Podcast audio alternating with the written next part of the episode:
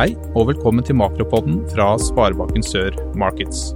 Følger du med på aksje- og valutamarkedet? Ja, da er dette podkasten for deg. Her får du et overblikk over hva som skjer rundt i verden, hvorfor det skjer, og hvilke konsekvenser det har.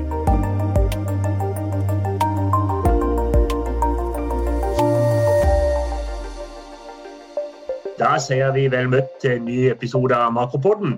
Nå er vi i andre uka av mars, og i dag skal vi snakke om eh, hva som skjer i USA, hvordan de økonomiske forventningene og smittevaksinesituasjonen er derover. Så skal vi se på en del andre viktige nyheter nå idet vi er kommet eh, litt ut i mars. Så skal vi se litt på eh, hvordan står det til i Norge. Hva skjer, og hvilken utvikling er det i oljemarkedet? Hva skjer i valutamarkedet? Og hva skjer i rentemarkedet? Men la oss starte i USA. Det vi har sett de siste dagene her og de siste ukene, er at det er stadig korreksjoner i aksjemarkedet, spesielt i tech-aksjer. Og så er det noe som er veldig eh, viktig, nemlig verdens viktigste rente. Renten på den tiårige statsobligasjonen den går stadig vekk eh, oppover.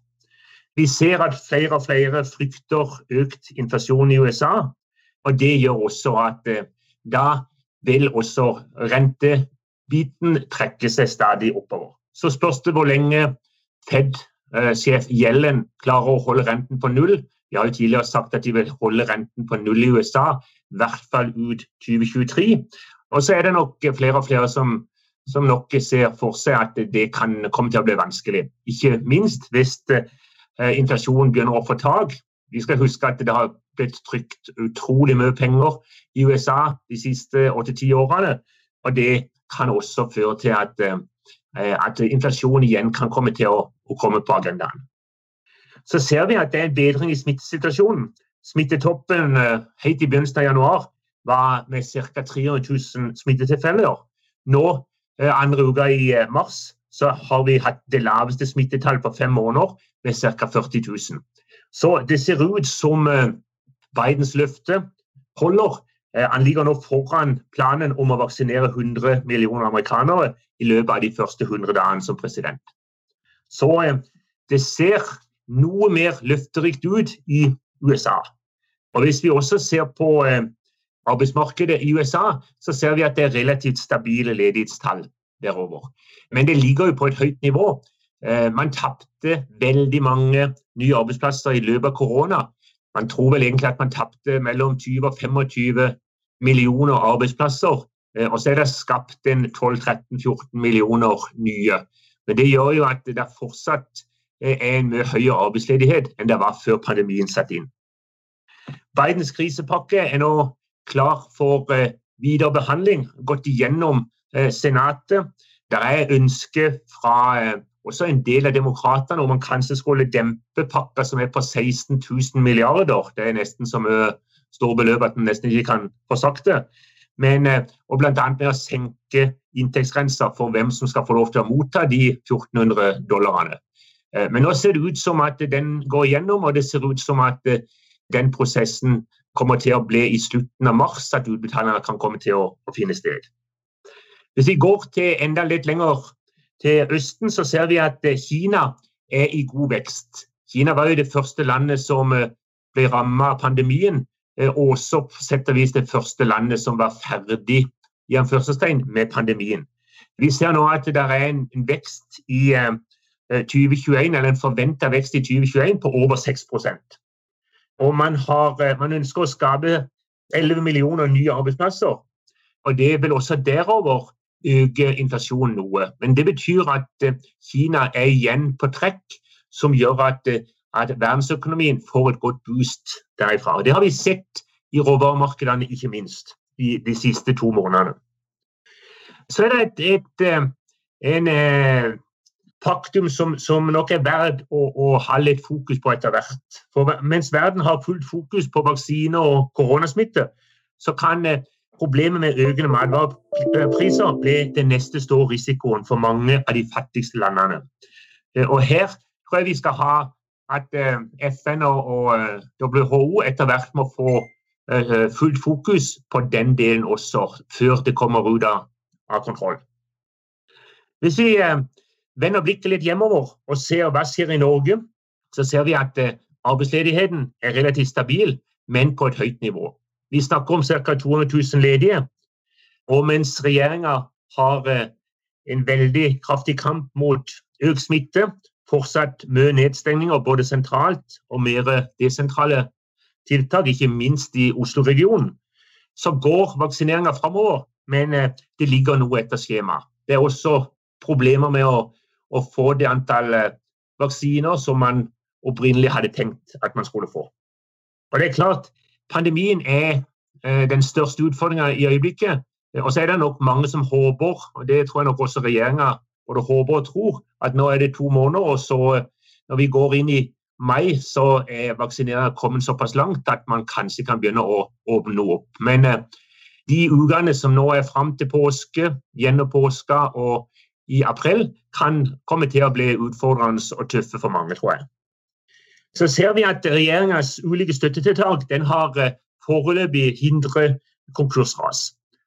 Det er veldig få konkurser som er, er meldt eh, i disse månedene, både gjennom 2020 og nå i begynnelsen av 2021. Men det som er, vel, er det største spørsmålet, det er hva skjer når disse støtteordningene avvikles, når man igjen skal begynne å betale både moms og og arbeidsgiveravgift og alt som man har fått noe utsettelse på. Har man da likviditet til det, eller blir det da konkursras? Og så er vel den største utfordringa, og det som nok gjør at, at Norges Bank-sjefen ligger kanskje litt vågen om nettene, det er jo boligprisene. Boligprisene stiger kraftig, og ikke minst i Oslo-regionen.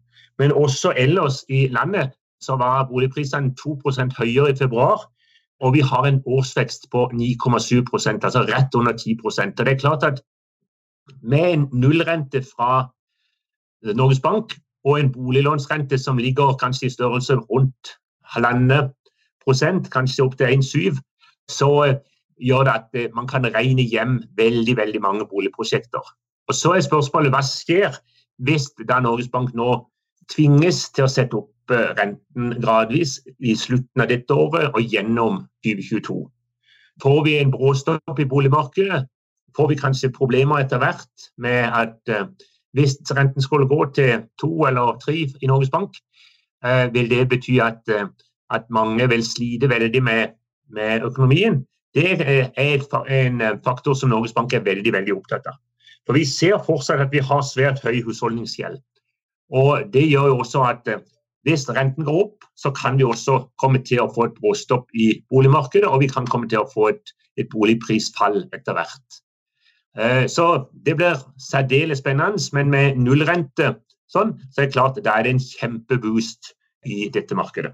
Og så er det, ikke minst i eh, Oslo-området, eh, altfor få nye boliger som kommer fram, sånn at tilbudssida i utgangspunktet er altfor lav.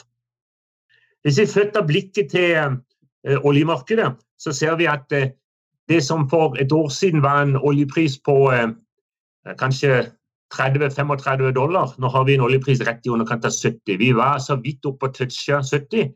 I øyeblikket ligger vi på ca. 67 dollar. Og Hovedgrunnen er at eh, det utvida OPEC, det gamle OPEC med bl.a. Russland, Kasakhstan og en del av disse landene, de ble enige om uendra produksjon i april. Og når det i tillegg kommer et, eh, et droneangrep mot en terminal i Saudi-Arabia, så gjør det at vi, vi uh, stadig vekk driver oppover på uh, oljeprisen. Og så er det, som vi var inne på i forrige makropod, uh, vaksinehåp og sterkere forhåpninger om økt pengetrykking i USA. Og det å ha forventninger til høyere aktivitet i verdensøkonomien i 2021, det er jo også med på å, å fundere at oljeprisen er kommet opp på et betydelig høyere nivå. Eh, og så, Som vi så vidt toucha i forrige makropod, det at eh, med Biden som president, så får vi mer grønt fokus også mot oljesektoren. Og Det gjør at det er vanskelig å få eh, produsenter av skiferolje til å øke sin produksjon kjapt. Og Det har jo vært de som har vært på sett og vis svingleverandørene eh, i eh, de siste to-tre årene. Eh, når oljeprisen begynte å å dra seg opp en del, så fikk de lov til å øke produksjonen og sette i gang sin produksjon.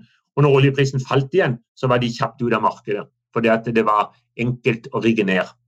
Det gjør at det blir vanskeligere å øke tilbudssida like raskt som, som, tidligere. Men det at vi har en uh, oljepris på over 67 dollar, det er klart det er svært godt nytt for Norges handelsbalanse, for Norge som sådan. Og det gir, gir oss store ekstra inntekter både fra olje og fra gass. Hvis vi ser litt på aksjemarkedet og valutamarkedet, så ser vi at det norske aksjemarkedet er fortsatt rekordhøyt. Det har etablert seg godt over 1000-grensa på Oslo Børs. Og i valutamarkedet så ser vi at den trenden som vi har hatt eh, de siste månedene, nemlig mot eh, sterkere norsk krone, fortsatt er intakt. Men så ser vi at eh, det skal veldig lite til at det kommer kraftige korreksjoner. Vi så for eh, to-tre uker siden at eh, vi hadde eh, den, den, sterkeste krona målt mot dollar eh, på nesten to år. Og så gikk det én til to dager, og så var plutselig markedet og, og, og, kursene mellom 20 og 30 øre høyere.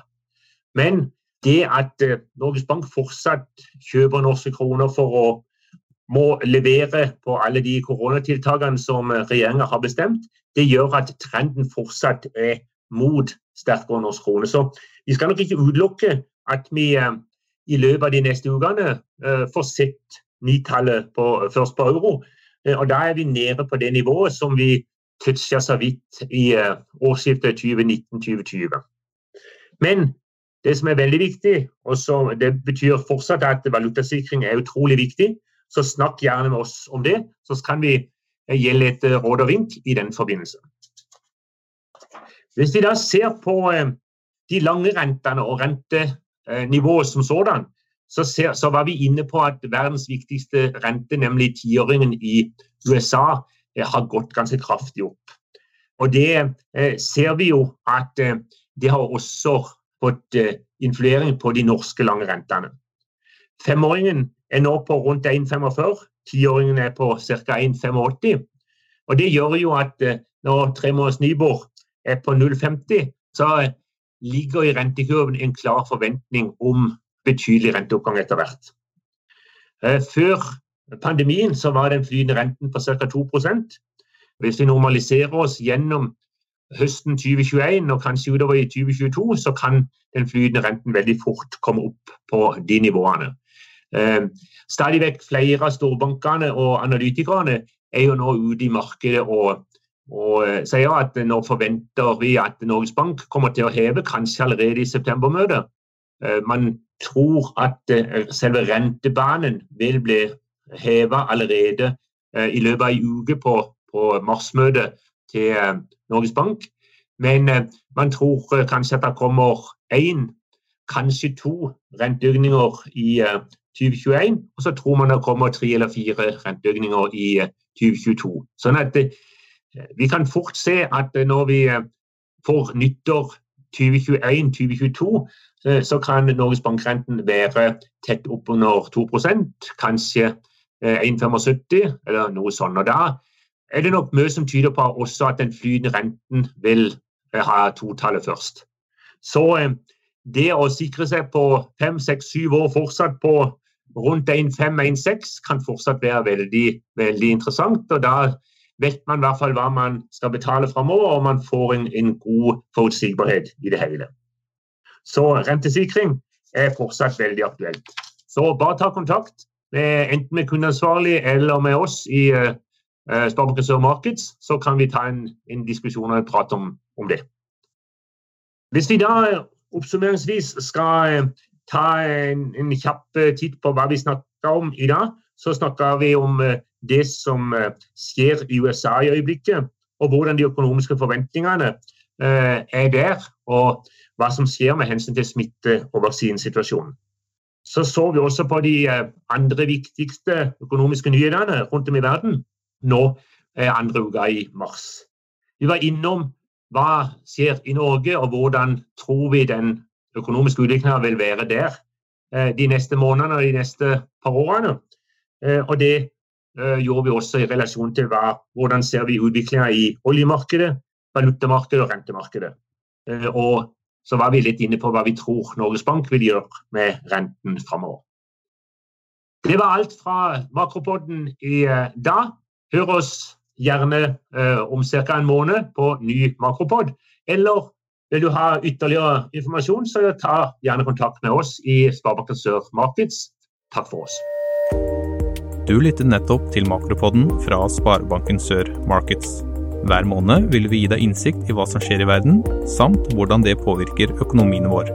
Flere episoder finner du på sol.no slash makro.